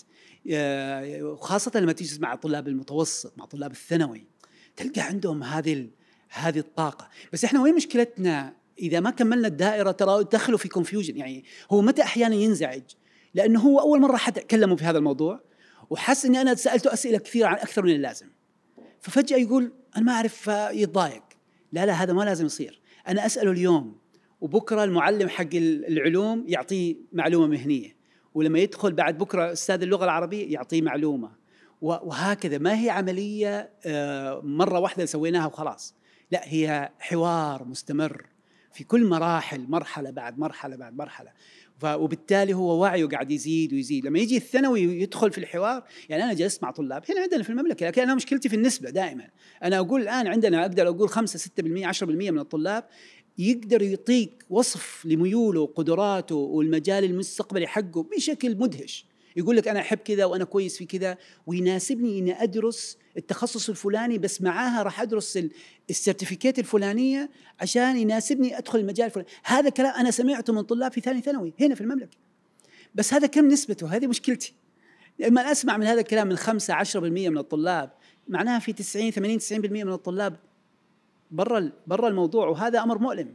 أنا أبغى 80% من الطلاب. بعدين لما تقابل طالب الرياض مختلف تقابل طالب في في تبوك أو طالب في حائل صح. أو في شرورة أو في جيزان أو الوعي دائما حتى يعني حتى في جيزان تلقى في ناس وعيهم عالي جدا ووعيهم منخفض.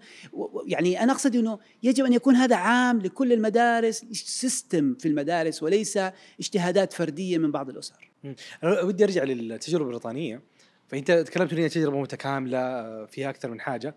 ونرجع للمدرسة فيها leader career career leader إيش في كمان مكونات لل يعني أنت اللي فهمته منك المدرسة إنه يسوي رحلات خارجية بالاضافه إنه في leader career آه بفهم أكثر إذا في ممارسات آه في system للمدرسة تقني يجلس الطالب بشكل مستمر عليه ويسوي اختبارات ويقرأ عن وظائف ويشوف فيديوهات ويعني هذه الأدوات التقنية كلها مستهلكة حتى يشرحوا له كل وظيفة عدد هائل من الوظائف فيديوهات هذا ماده موجودة ولا هو شيء يسوي برا هذا الدراسة ولا مادة موجودة ولا؟ في مو... في مادة في مادة موجودة وفي وقت مخصص لهذا الموضوع وفي سيستم موجود في مختبر في المدرسة يجلسوا في الطلاب يفتحوا الكمبيوتر أو على اللابتوبات حقتهم أو بس أنا سمعت كثير من كلمة حوار حوار حوار حوار.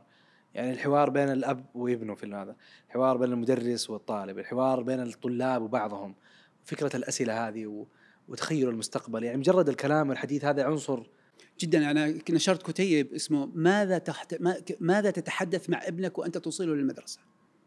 وكان في مجموعة كبيرة من الأسئلة اللي تطرحها على ابنك وأنت رايح في أنت حتوديه المدرسة هذه الربع ساعة والثلث ساعة اللي توديه. على فكرة هذا وقت ذهبي جدا للحديث مع الأبناء. ولكن لا تروح للوعظ وال- والنصائح يعني كثير من الآباء يحولها لفرصة لإعطاء الوعظ والنصائح أو يسمع أخبار في الراديو أو يسوي كذا يعني آه لا لا يفترض أن يستغل هذا الوقت الذهبي في في الحديث مع الأبناء عن طريق طرح الأسئلة والحوار فأنا دائما أنا يعني أوصل أولادي المدرسة دائما أسألهم إيش يعني مهارات؟ طيب ليش الواحد يتعلم لغة أجنبية؟ طيب إيش القيمة أنه أنا لو أعرف لغة صينية؟ إيش الفائدة؟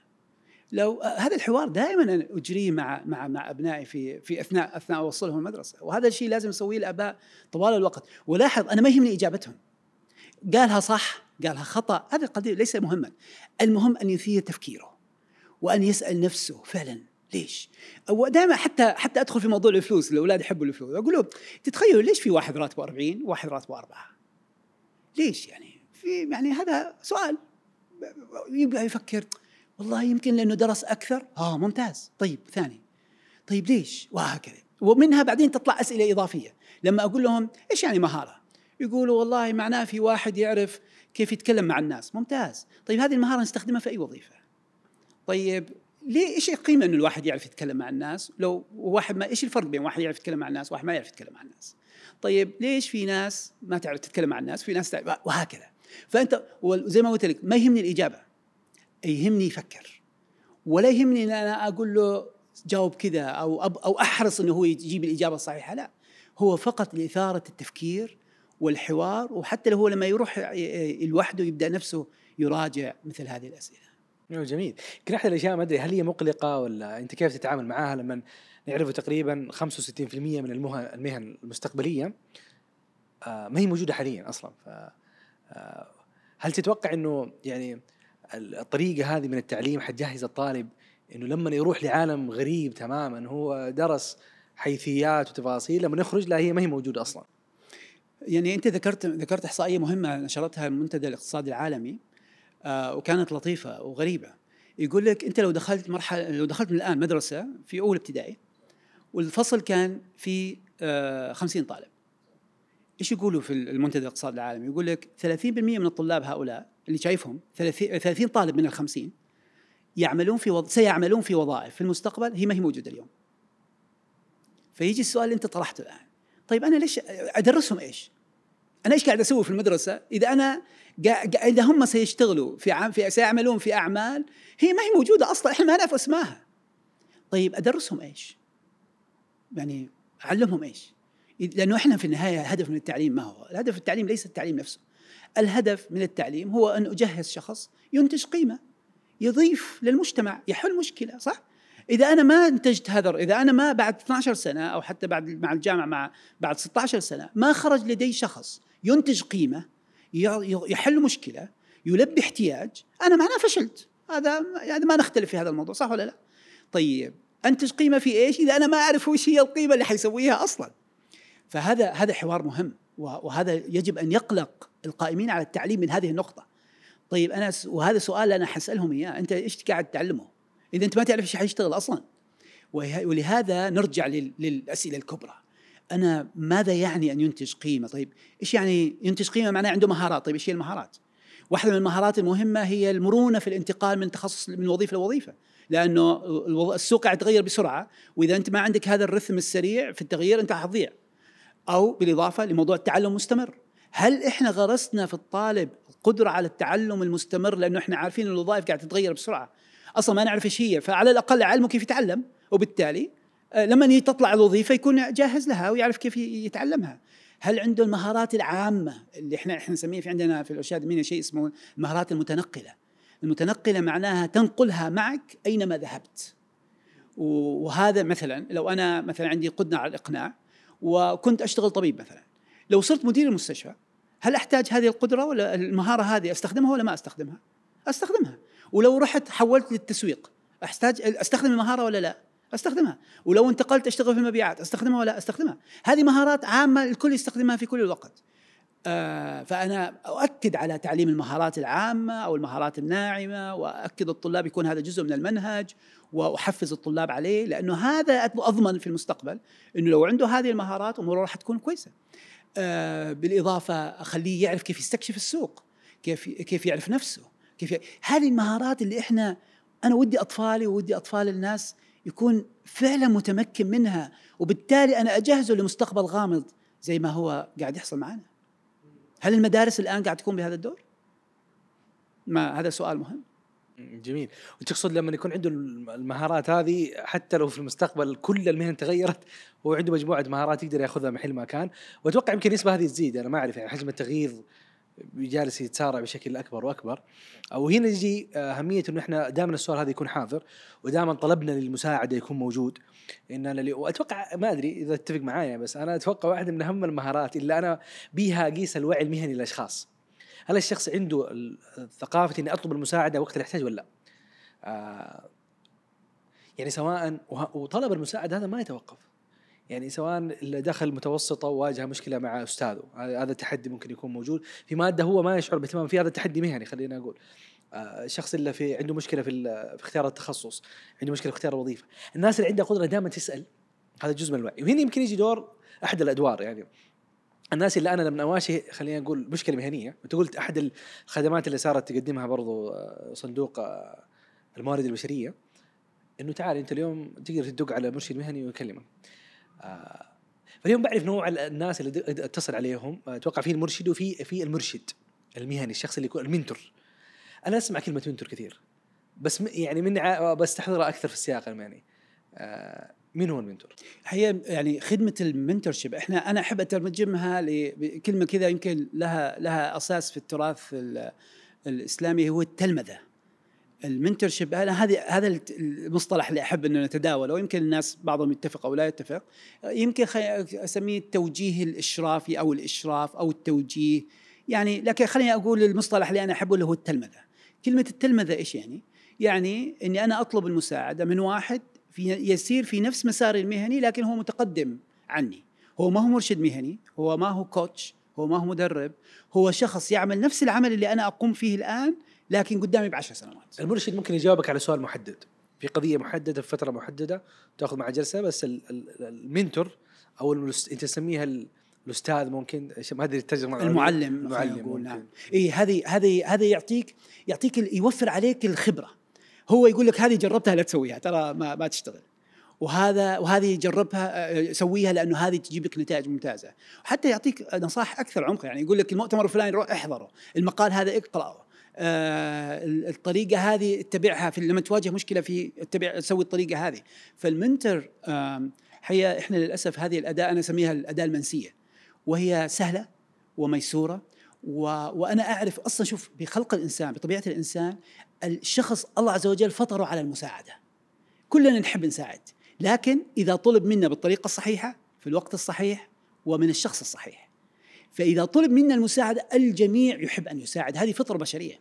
السؤال هل عندنا الأدوات؟ هل ال ecosystem شغال يعني متوجه متواجد؟ بمعنى آه، كيف أنا حقدر أساعده بأي شكل ووين وصل عشان أنا أبدأ أساعده من بعدها وكذا. فحقيقة الموضوع ال mentorship وحتى في المدارس أرجع مرة ثانية للمدارس. في أفكار جميلة في في ال mentorship يعني واحدة من الأفكار اللي يسووها يسووها في بريطانيا وفي غيرها. يروحوا في الويكند يوم يوم يوم سبت يأخذوا مدرسة. المدرسة مقفلة أصلا مدارس موجودة. والمدارس فيها فصول. كل فصل يحطوا فيها وظيفة. أو واحد يعمل في وظيفة معينة. فالفصل هذا فيه محامي والفصل هذا فيه محاسب. والوظيفه هذا فيه أخصائي تسويق وهنا أخصائي موارد بشرية وهكذا ويجي الطلاب يجتمعوا الطلاب من كل المدينة في هذه المدرسة ويمروا على كل فصل يجلس معه خمس دقائق المجموعة كلها إيش يعني محاسب؟ إيش طيب إيش لازم أتعلم؟ طيب أركز في المدرسة على إيش؟ إيش المهارات لازم أسويها؟ إيش مستقبلها؟ كم رواتبكم؟ إيش كيف إيش إيش اللي يصير؟ إيش أنا لازم أسوي حتى أجهز نفسك اشتغل أجهز نفسي إني أشتغل؟ أسئلة بسيطة لكن تمنح بصيرة هائلة للطلاب. هذا هذا اللي نقصد فيه في المنتورشيب، أنت ما تحتاج أن تقدم معلومات تقنية أكثر ما أنك تريد أن تزيد البصيرة كيف يسلك الطريق اللي أنت سبق أن سلكته، وهذا ممكن يتم في طلاب الجامعة ممكن يطلب يتم مع الباحثين عن عمل ممكن يتم أدوات بسيطة. أحيانا طبعا الآن صار في برامج system صار في نظم آه، تقنية آه، وكثيرة جدا. تقوم بعمليات ال mentorship من إلى. يعني أنت تسجل اسمك وهذاك يسجل اسمه والكمبيوتر هو اللي يربط بينكم ويسوي المواعيد ويسوي كل العملية هذه. فصار في systems جاهزة لهذا العمل. بس إحنا نحتاج الإرادة. نحتاج أحد يقول أنا أبغى أسوي هذا العمل وبالتالي يستعين بالنظم الموجودة والناس كلها جاهزة تساعد وفي عدد كبير من الشباب اللي بحاجة للمساعده بس تحتاج عملية الربط. فعملية ال mentorship حقيقه عملية في غايته وقاعدة في سوق العمل دائما يجب أن يكون عندك mentor والذي ليس له mentor آه، يعني هذا هذا إنسان ضايع هذا إنسان ما هو عارف وين رايح فهذه هذا أمر مطلوب من الجميع وممارسة يجب أن نذكر فيها الناس ونحث عليها ونرتبها ونجهزها حتى تكون متاحة للجميع. بس ليش ليش لازم عندي منتور؟ يعني أنا أحسه شيء إضافي جاء ما جاء يعني أنت الآن لو كان في عملك الحالي لو كان في واحد يقوم بنفس العمل لكن عنده خبرة 10 سنوات إضافية. حتستفيد منه ولا لا؟ صح. كم حتستفيد منه؟ حتستفيد منه أشياء كثيرة. وحتى هو لأنه أنت تمر الآن في قرارات هو مرت عليها أو أصلا. و و و وتمر الآن بتحديات هي مرت عليه أصلا. فحيقول لك ترى أنا لما لما مرت علي ترى أنا سويت كذا. وليس بالضروره يكون صح.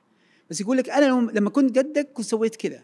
وبعدين صار معي كذا صار معي التحدي الفلاني وسلكت الطريقة الفلانية وكذا. كم سيوفر عليك من الوقت؟ شيء هائل هل في mentor أثر عليك في في مسيرتك المهنية؟ نعم. يعني أنا في بداية حياتي كان كان عندي mentor هي كندية وإلى اليوم أنا في تواصل مع واحدة اسمها روبرتا. كانت رهيبة. كانت رهيبة لأنه هي اللي يعني بدأت تفتح لي آفاق في في في إيش معنى إرشاد مهني وإيش معنى إيش القيمة اللي ممكن تضيفها للإنسان نفسيا لما هو لما هو يعرف طريقه ويكون عنده شغف ويصحى الصباح وهو متحمس وكذا. فكنت على اتصال دائم ودرست عندها في بداية الإرشاد أول أول تعلمي الإرشاد المهني درسته عندها في معهدها. وكانت مؤثرة وإلى اليوم أنا أعمل معها في مشروع آه، في مشروع خارجي في ما زلت أعمل معها يعني. فحقيقه يعني هذه واحدة من الناس اللي فعلا أثروا علي وفكرة ان تكون مع شخص سنوات طويلة أتوقع هذه قيمة مضافة. ما هو دائما متاحة لأن تعرف الناس ما هي الناس برضو عندها ضغط في الوقت. لكن مرة أخرى ترى أنت لو عرفت تلعب على هذا الحاجة النفسية عند الإنسان هناك حاجة نفسية للإنسان أن يشعر أنه يقدم قيمة للناس ويساعد الناس.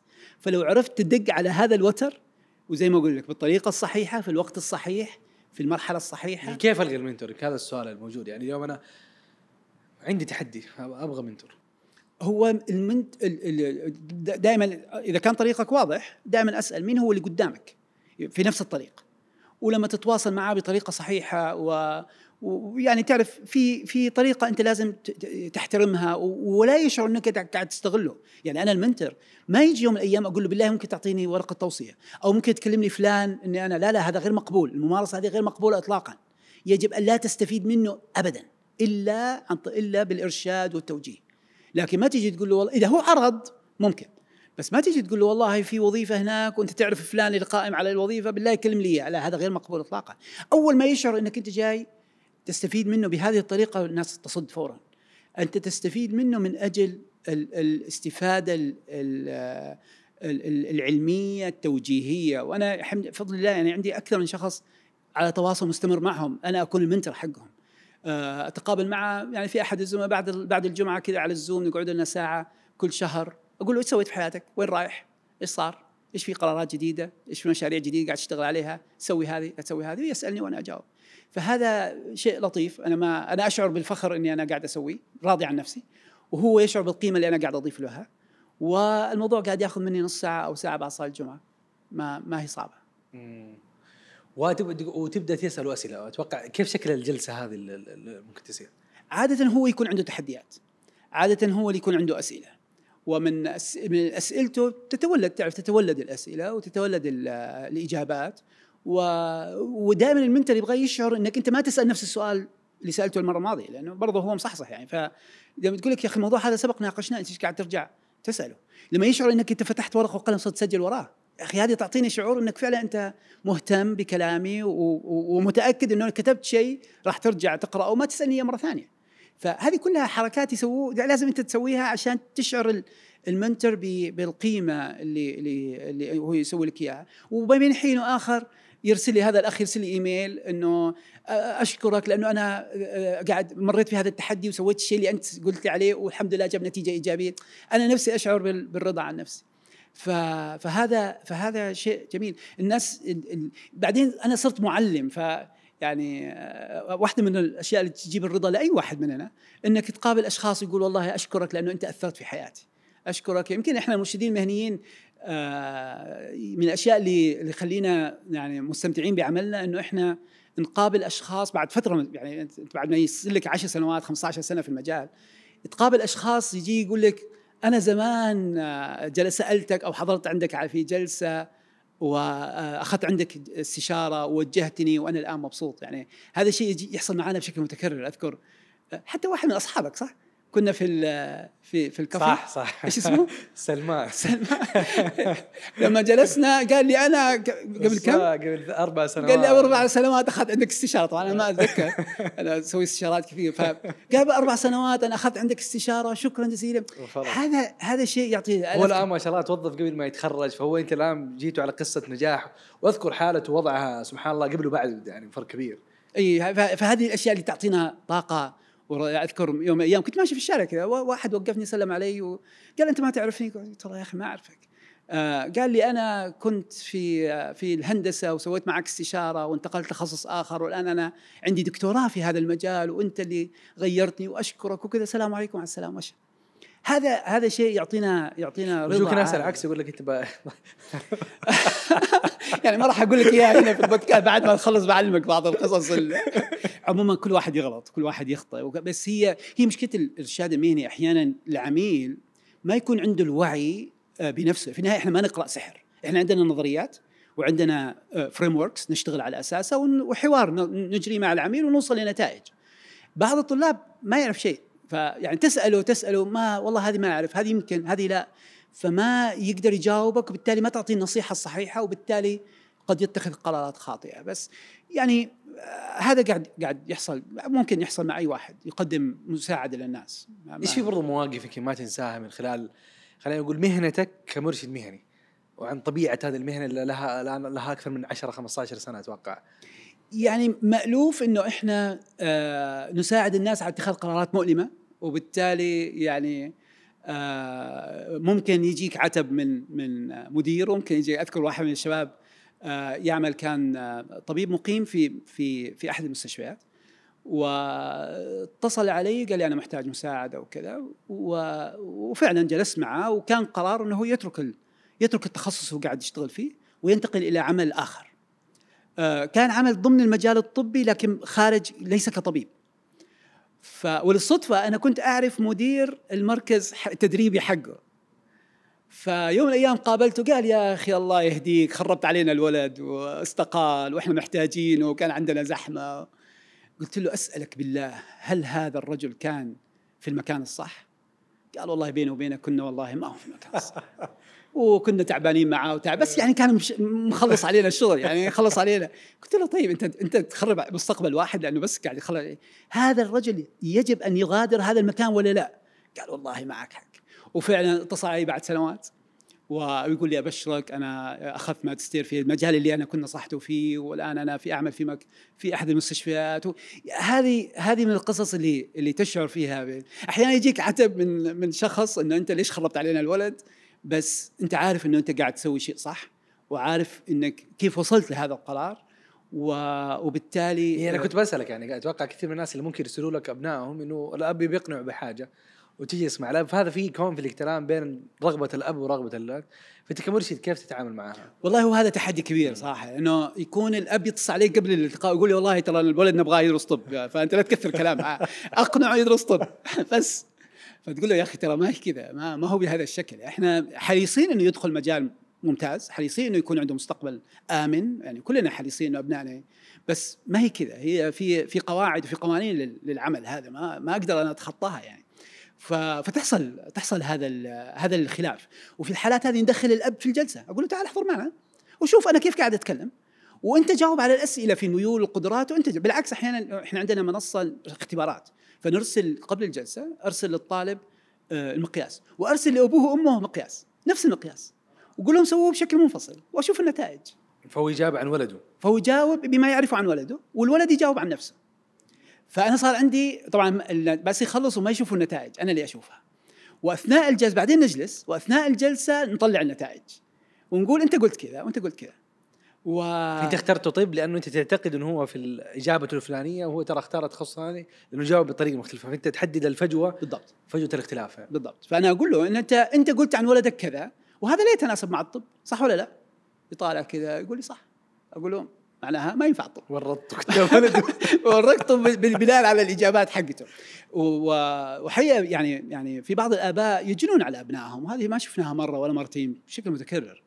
يلزم ابنه بدراسة شيء. وهو عارف إنه إنه ما هو مناسب له والطالب عارف إنه ما هو مناسب له ولكن يعني بسبب بسبب يعني هو كان يحلم أن يكون هذا الشخص ف أو أخوه يد- يشتغل في هذا المجال وشايفه ما شاء الله متميز وده ولده يكون في هذا المجال. فهذه للأسف يعني وما زالت موجوده الآن دكتور؟ آه بالتأكيد بالتأكيد ما زالت ما زالت. أفضل كثير من الأول. إحنا يعني بفضل الله الوعي الوعي في هذه الأمور صار كبير جدا بس لا شك إنه التحدي هذا ما زال موجود. موجود. هل هل اليوم في مهنة full time مرشد مهني موجودة عندنا؟ نعم. الآن صندوق الموارد البشرية يوظف full time مرشدين مهنيين نعم. في الجامعات في المدارس في الخط الساخن في حتى في الشركات. لأنه الآن في الشركات الكبرى أرامكو في عدد كبير من المرشدين المهنيين لما يجي يجي موظف يقول أنا ماني مبسوط. هذا من ترى هذا حق بشري ترى هذا من حقوق حقوق الإنسان. أنا لما أكون مبسوط في عملي من حقي أن أجلس مع شخص يفهم ليش أنا ماني مبسوط. طبعا ماني مبسوط مو معناه المجال ما يناسب مو دائما كذا. قد يكون مشكلة مع مديري قد يكون إحنا ما نفهم ب فقط مو مبسوط معناه غير وظيفتك. لا لا ما هي كذا. بس أنا أبغى أفهم أنت من حقك أن تقضي ثمان ساعات شوف هذه النقطة المهمة. من حقك كبني آدم أن تقضي ثمان ساعات عشر ساعات من يومك وأنت مستمتع. طبعا ماني مستمتع طوال الوقت. أكيد في أعمال ضمن عملي فيها تحديات وفيها مشاكل وفيها ضغوطات. لكن اوفر اول أنا أشعر بالفخر للعمل اللي أنا أسويه والقيمة والاستمتاع بالنتائج اللي قاعد أسويها. إذا أنت ما وصلت لهذه المرحلة معناه عندك مشكلة. ولك الحق أن تطلب فيها مساعدة. ومن ملزم من الشركة إذا كانت شركة تحترم نفسها أن توفر لك من يساعدك حتى تستطيع حل هذه هذه أو إيجاد حل لهذه المشكلة. أما إني ألزم الناس يشتغلوا في وظائف عجبتهم ما عجبتهم بس عشان نخلص المشاريع والأعمال اللي عندنا، هذا هذا لا على المدى القريب صحيح ولا على على المدى البعيد ينفع الشركة أصلا. أنا خليني أتقمص دور الطفل المراهق الثاني متوسط وأسأل شوية عن مهنة المرشد المهني بشكل عام، هل لها شهادة معينة من ناحية الجامعة؟ كيف طبيعة هذا الشخص؟ هل في شهادات معينة؟ لو اليوم أنا أشعر إن أنا عندي حب المساعدة للناس وأبغى أمتهن مهنة الإرشاد المهني. يعني هي ما زلنا ما زلنا في بداية الطريق، ما زال ما عندنا تخصص جامعي في الإرشاد المهني، عندنا تخصص علم النفس الإرشادي يعطي الإرشاد بشكل عام.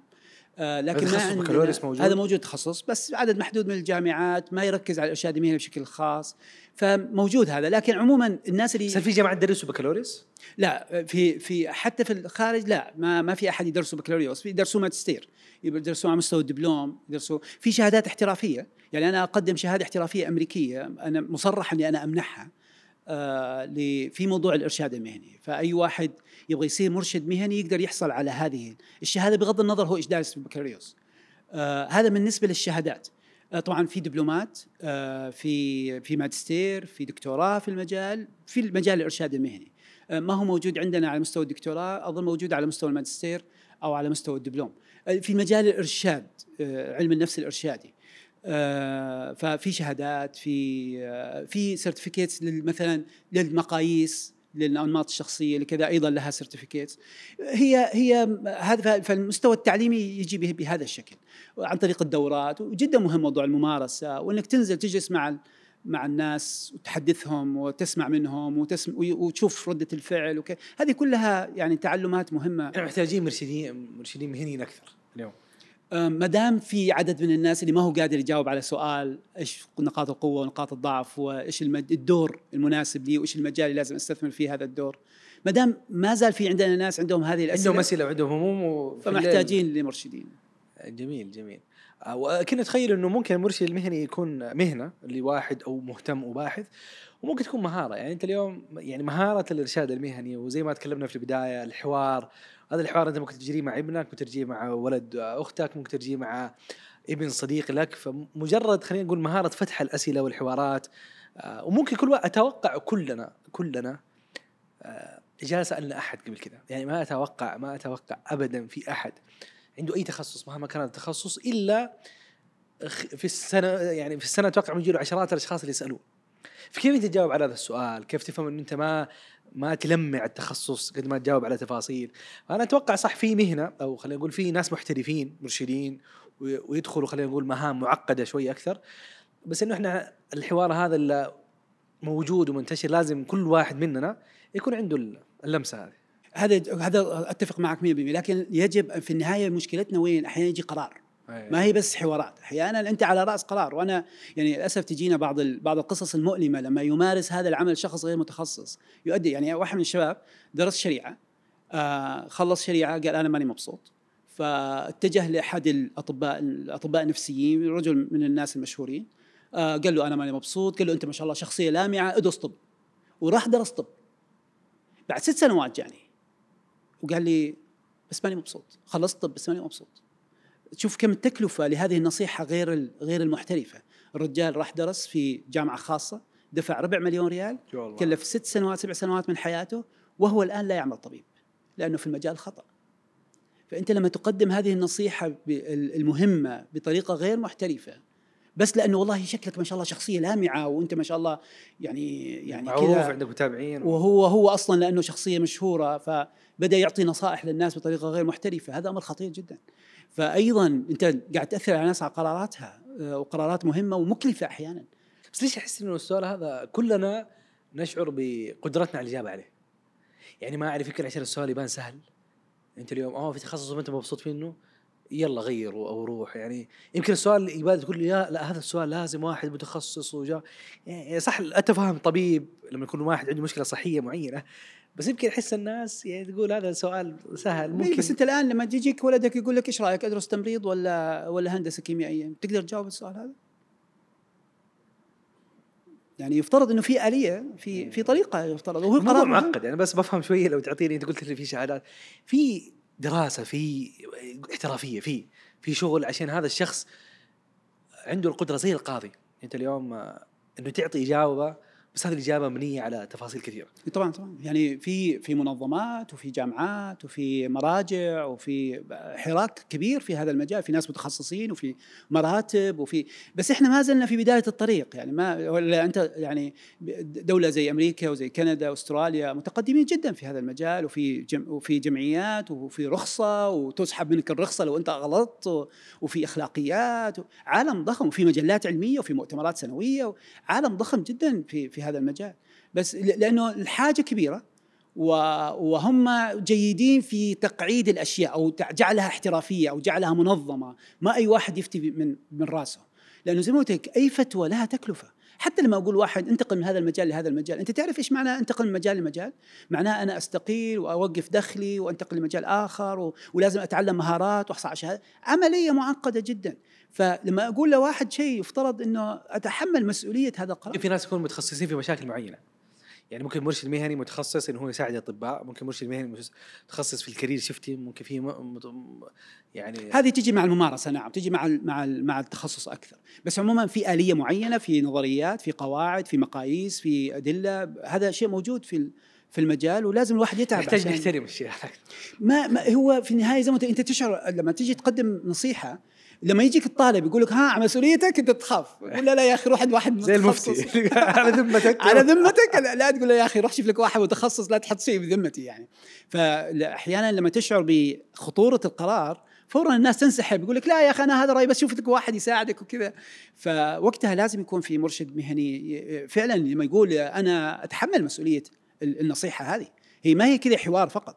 أنا لما أقول لواحد يروح لهذا التخصص أنا أتحمل مسؤوليته وعندي أدلة أدافع عندي وهو اشتكى علي؟ عند عند القضاء عندي أدلة أقول ليش أنا قلت يسوي كذا؟ فيجب أن تصل إلى هذه المرحلة هي ما هي سواليف يعني. الله يعطيك العافية. آه وفرصة سعيدة. أنا يمكن بدي أرجع كذا بسؤال وهي ما شاء الله رحلة مهنية صراحة لها آه تفاصيل سواء دراستك وسواء عملك وفي تجارب فريدة زي ما الفترة اللي اشتغلت فيها أربع سنوات كانت بدون راتب. وبعد كذا أنت الآن آه، أضفت حاجة إضافية بالإضافة إلى عملك كطبيب نفسي انك تكون مرشد مهني. عندك كذا خلطه تفاصيل مهنية بس يمكن السؤال لو رجع بيك الزمن لأول يوم آه، مهني بالنسبة لك آه وأنت أيضا عندك كتاب لو عشر أشياء تمنيت إنه أنت تعرفها قبل دخولك الجامعة بس أنا ودي كذا أطول يعني أشخصن السؤال أكثر والحاجة الثانية بدل ما أقصرها على الجامعة أقصرها يعني أفتح أكثر للحياه المهنية. فأنت لو رجع بيك اليوم لأول يوم مهني هل في شيء مختلف ممكن تسويه؟ هي هذه قصة يعني هذا السؤال لطيف لأنه أنا نفسي بديت مؤخرا بديت أسأل نفسي فعلا لو أنا رجعت أول إيش كنت أسوي؟ لاحظ أنه أنا أول ما خلصت الثانوية دخلت إدارة تخصص إدارة أعمال وكان أمامي تخصصين علم النفس وإدارة الأعمال وكلها كانت متاحة المرشد المهني العمل اللي قاعد أقوم فيه هو أقرب لإدارة الأعمال وعلم النفس من عملي لحالي فأنا أشوف لأنه ما كان في مرشد مهني ولا كان في وعي مهني أنا أخذ مني الموضوع 14 سنة. عشان ترجع نفس القرار عشان أرجع لنفس القرار اللي أنا سويته لما كنت عمري 17 سنة. لأنه أنا لو در كملت إدارة أعمال وأخذت ماجستير في الموارد البشرية كنت ساكون مرشد مهني كما أقوم به الآن.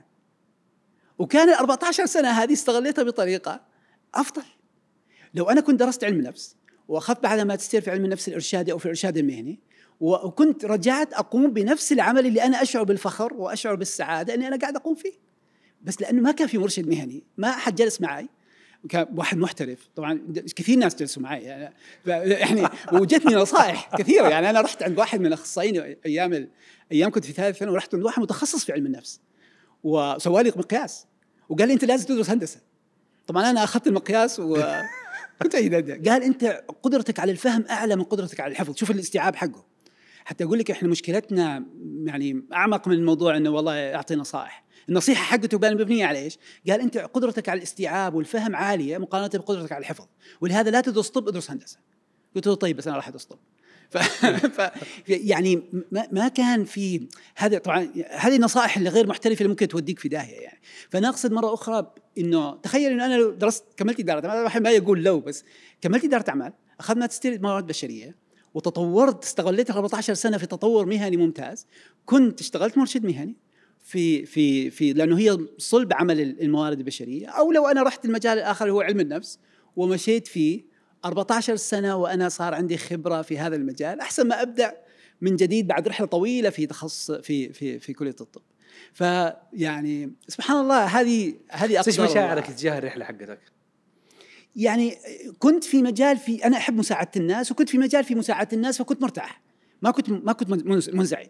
لكن يعني تخيل لو أني دارس هندسة مع إني أنا جاني قبول في إحدى الجامعات في الهندسة. تخيل لو أني لو أني دارس محاسبة. أو- هذه وقتها حتكون رحلة مؤلمة. فماني منزعج جدا لأنه طوال الوقت ضمن الإطار حقي. ما ما كنت مرة بعيد.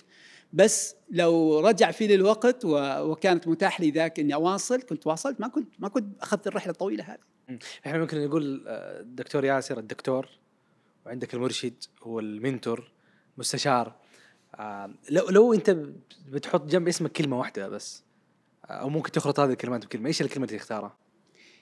يعني ما يعني هو مساعدة يعني برضو آه، ال- الفروقات الفردية أنا جدا يهمني أعرف أنت الله عز وجل خلقك الله عز وجل خلقنا مختلفين.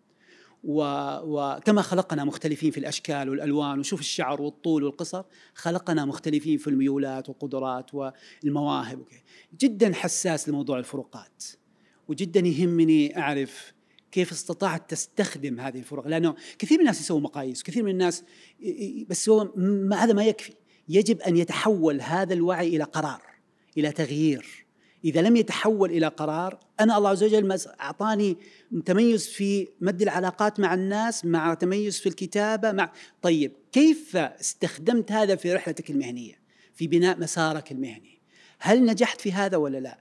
هذا هو اللي اللي يهم. فأنا جدا حساس لموضوع الفروقات و و وأستمتع باستخدام المقاييس باحتراف حسب المقياس وأختار المقياس اللي فعلا يكشف لي ال- الفرق هذا عن هذه. وبالتالي أقدر أقول طيب كيف نستطيع أن نوظف هذا هذا الوعي بنفسك توظفه في قرارك المهني والتعليمي. الله يعطيك العافية. كرمك الله. جزيلاً. سعيدة. شرفت في كتبك الله يسلمك. شكرا لكم مستمعينا ومشاهدينا من كل مكان. وتذكر صديقي إنه عندك القدرة آه، في صناعة حياة مهنية آه، تستحقها. آه، سبحانك اللهم وبحمدك أشهد لا إله إلا أنت أستغفرك ونتوب إليك. نراكم على خير.